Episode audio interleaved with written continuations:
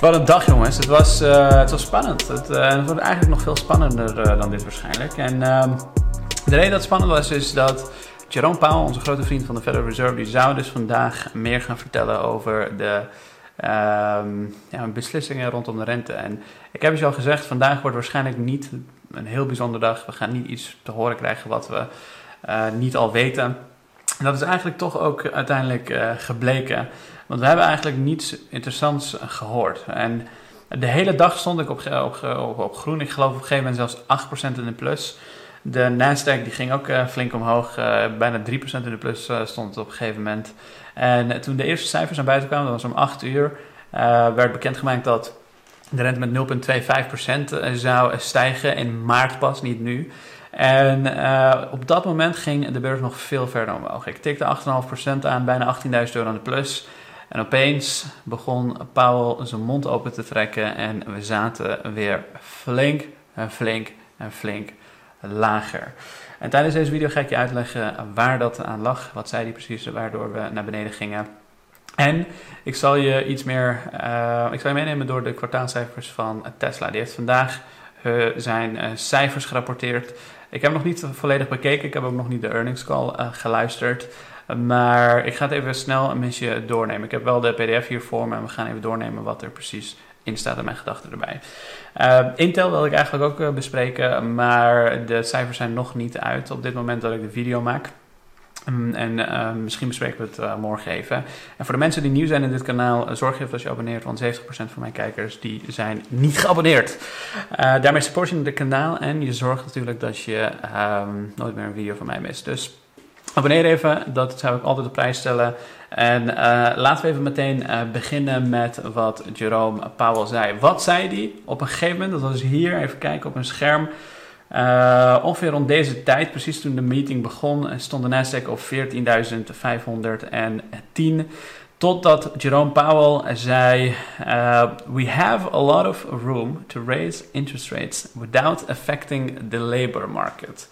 En daarmee gaf hij aan dat er dus nog heel erg veel ruimte is om um, rente nog veel meer te verhogen dan uh, nu. En de reden dat, ze, dat hij dat zei is omdat de Fed eigenlijk twee verschillende doelstellingen heeft. Dat is één, inflatie rond de 2% houden en twee, zorgen dat er genoeg banen zijn, dat er zo maximum employment noemen ze dat. Dus dat er zoveel mogelijk mensen als mogelijk is een baan hebben. En de reden dat die twee dingen belangrijk voor ze zijn, is omdat ze met 2% inflatie ervoor kunnen zorgen dat er net genoeg innovatie en geldontwaarding bestaat, waardoor mensen gemotiveerd zijn om bedrijven op te richten uh, om fantastische bedrijven op te richten, de, om de, problemen op te lossen die we met z'n allen op de wereld hebben. Uh, en niet geld onder een stoel als ware steken, want als geld niet ontwaard wordt, ja, dan ga je hem gewoon onder je stoel steken, want over een jaar of twee is het meer waard als het ware.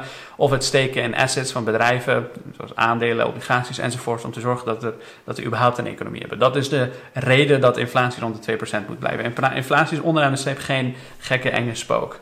Als het veel verder dan dat stijgt, bijvoorbeeld richting 7% waar het nu is, dan krijg je problemen. Dan krijg je echt serieuze issues.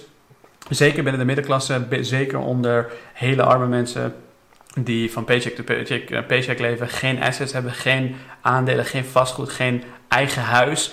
Voor die mensen is het verschrikkelijk. Je moet ze weten, in Nederland is inflatie ook torenhoog. Er zijn heel veel mensen, heel veel starters die gewoon niet eens aan een huis kunnen komen. En die mensen die bouwen dus daadwerkelijk ook geen vermogen op. Uh, terwijl ze wel maandelijks hogere kosten hebben door een hogere inflatie.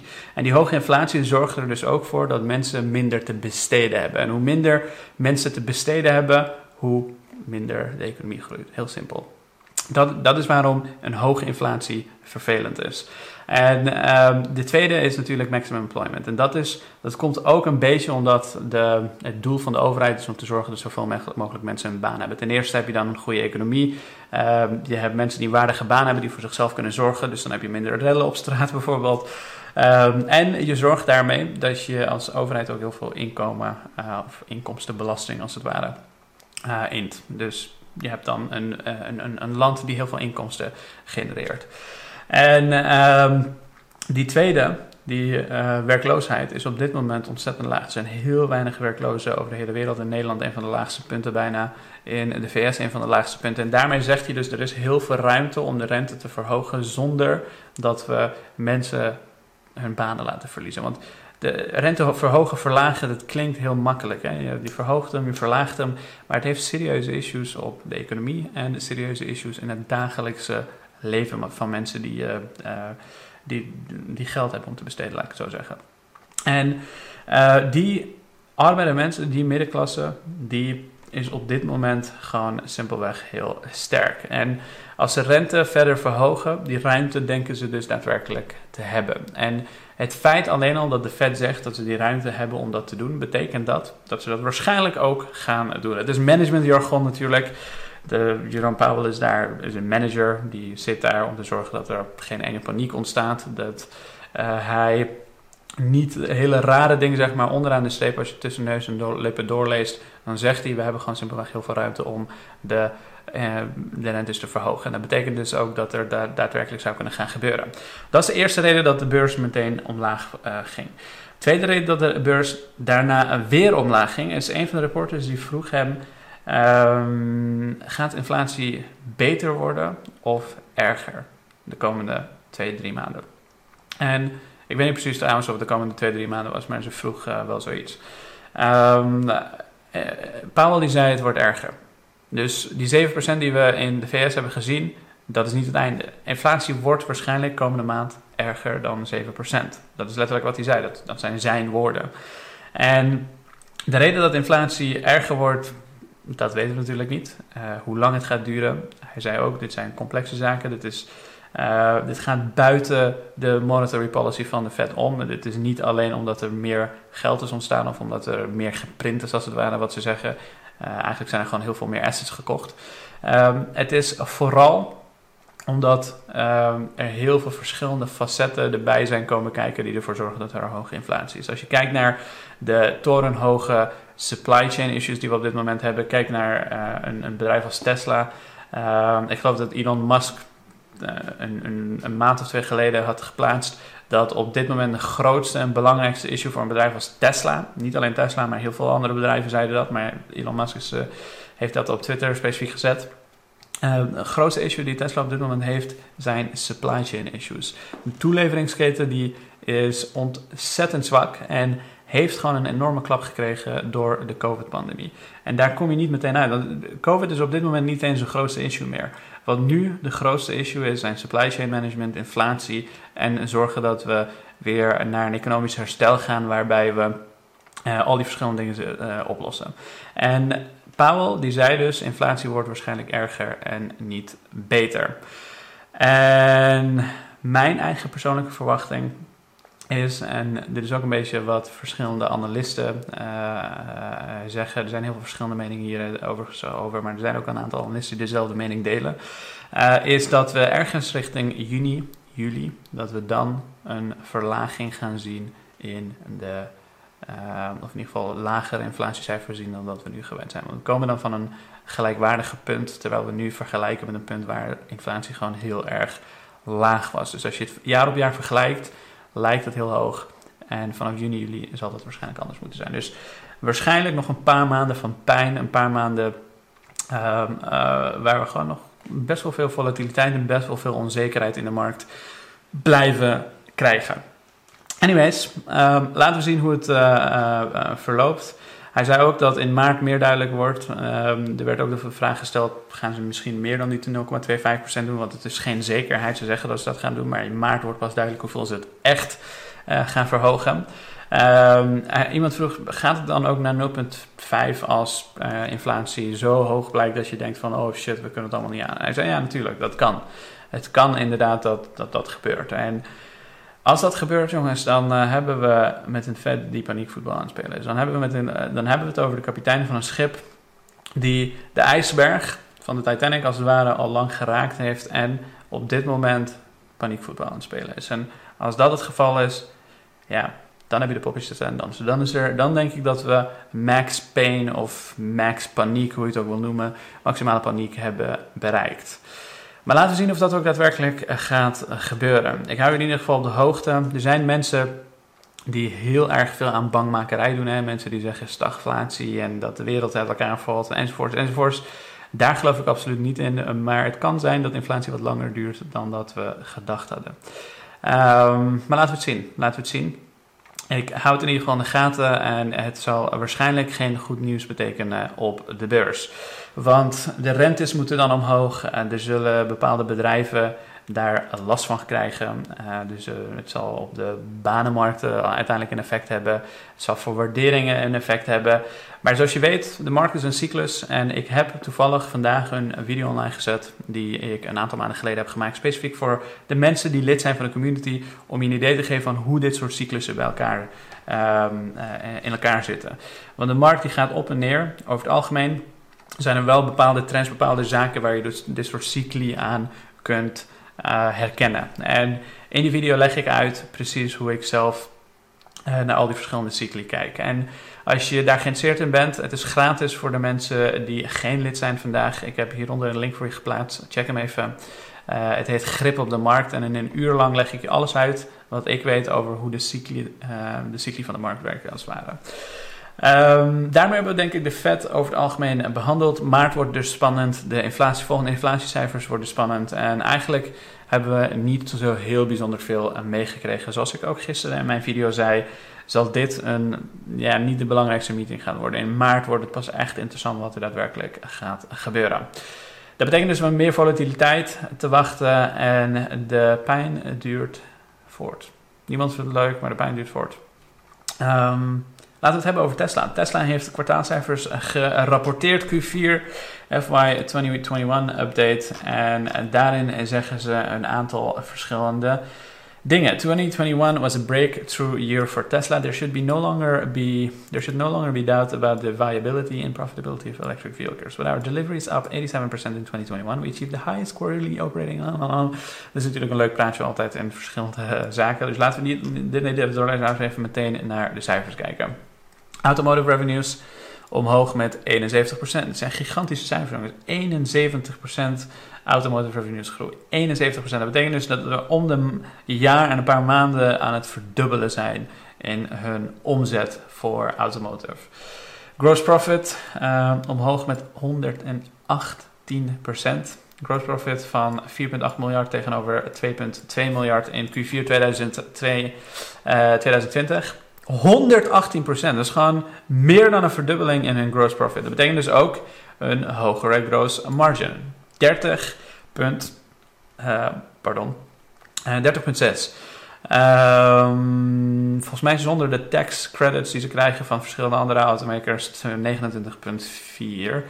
Dus nog steeds eigenlijk veel hoger dan, um, dan waar ze een jaar geleden stonden, 24,1.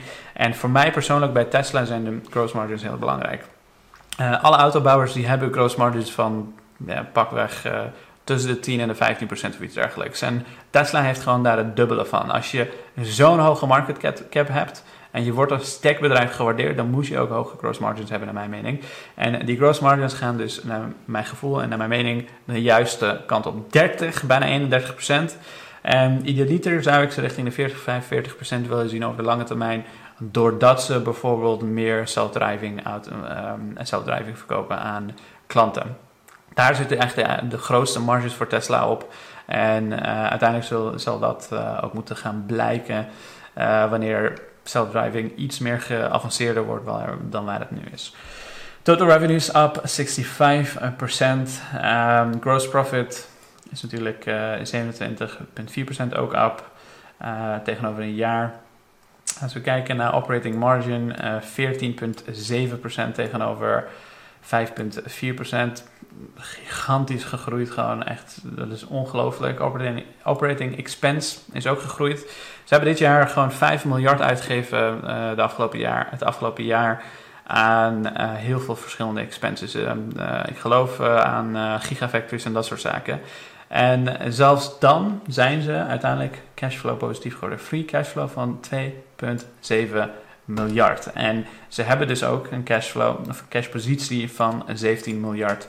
17 miljard in kas. Tegenover vorig jaar van 19 miljard is dat best wel fors, want ze hebben natuurlijk ook gewoon 5 miljard uitgegeven. 5 miljard uitgegeven en nog steeds cashflow, uh, een, een, enorme cashflow, uh, cash positie en cashflow positief. Dus super fantastische cijfers. Dus precies wat je wilt zien uh, ieder kwartaal lang om de waardering van Tesla te kunnen rechtvaardigen.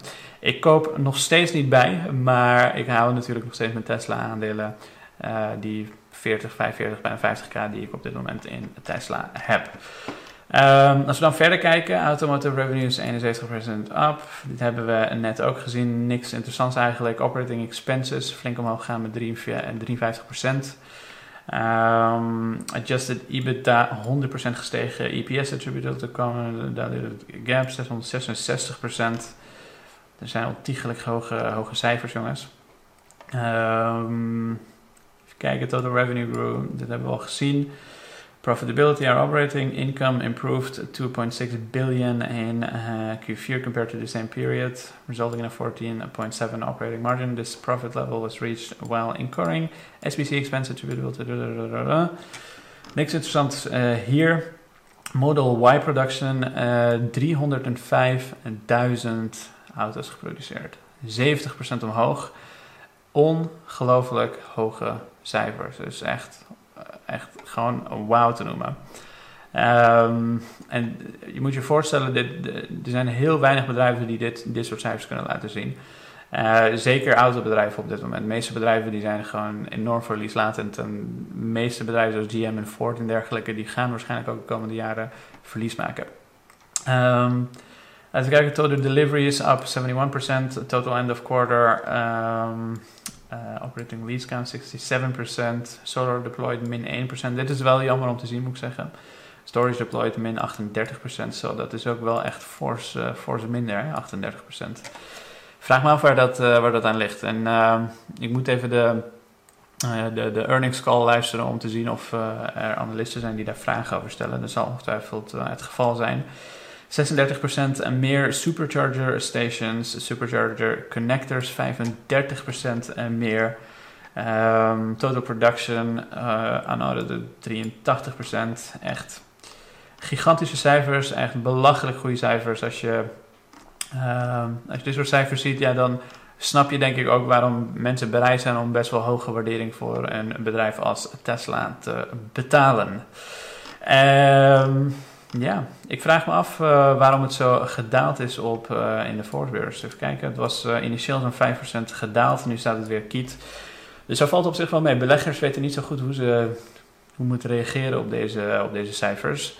Ik denk fantastisch, maar natuurlijk met alle angsten en dergelijke die op macro-economisch niveau heerst, zal dat waarschijnlijk ja, meeste beleggers toch sneller bezighouden dan, dan andere zaken. Um, anyways, dank voor het kijken vandaag. Uh, laat me weten wat je van uh, deze video vond. En zorg even dat je je abonneert en even op het duimpje omhoog klinkt. Want 70% van de mensen die mijn video's kijken zijn gewoon niet geabonneerd. Helaas, pindakaas, maar het is wel zo. Anyways, hele fijne avond.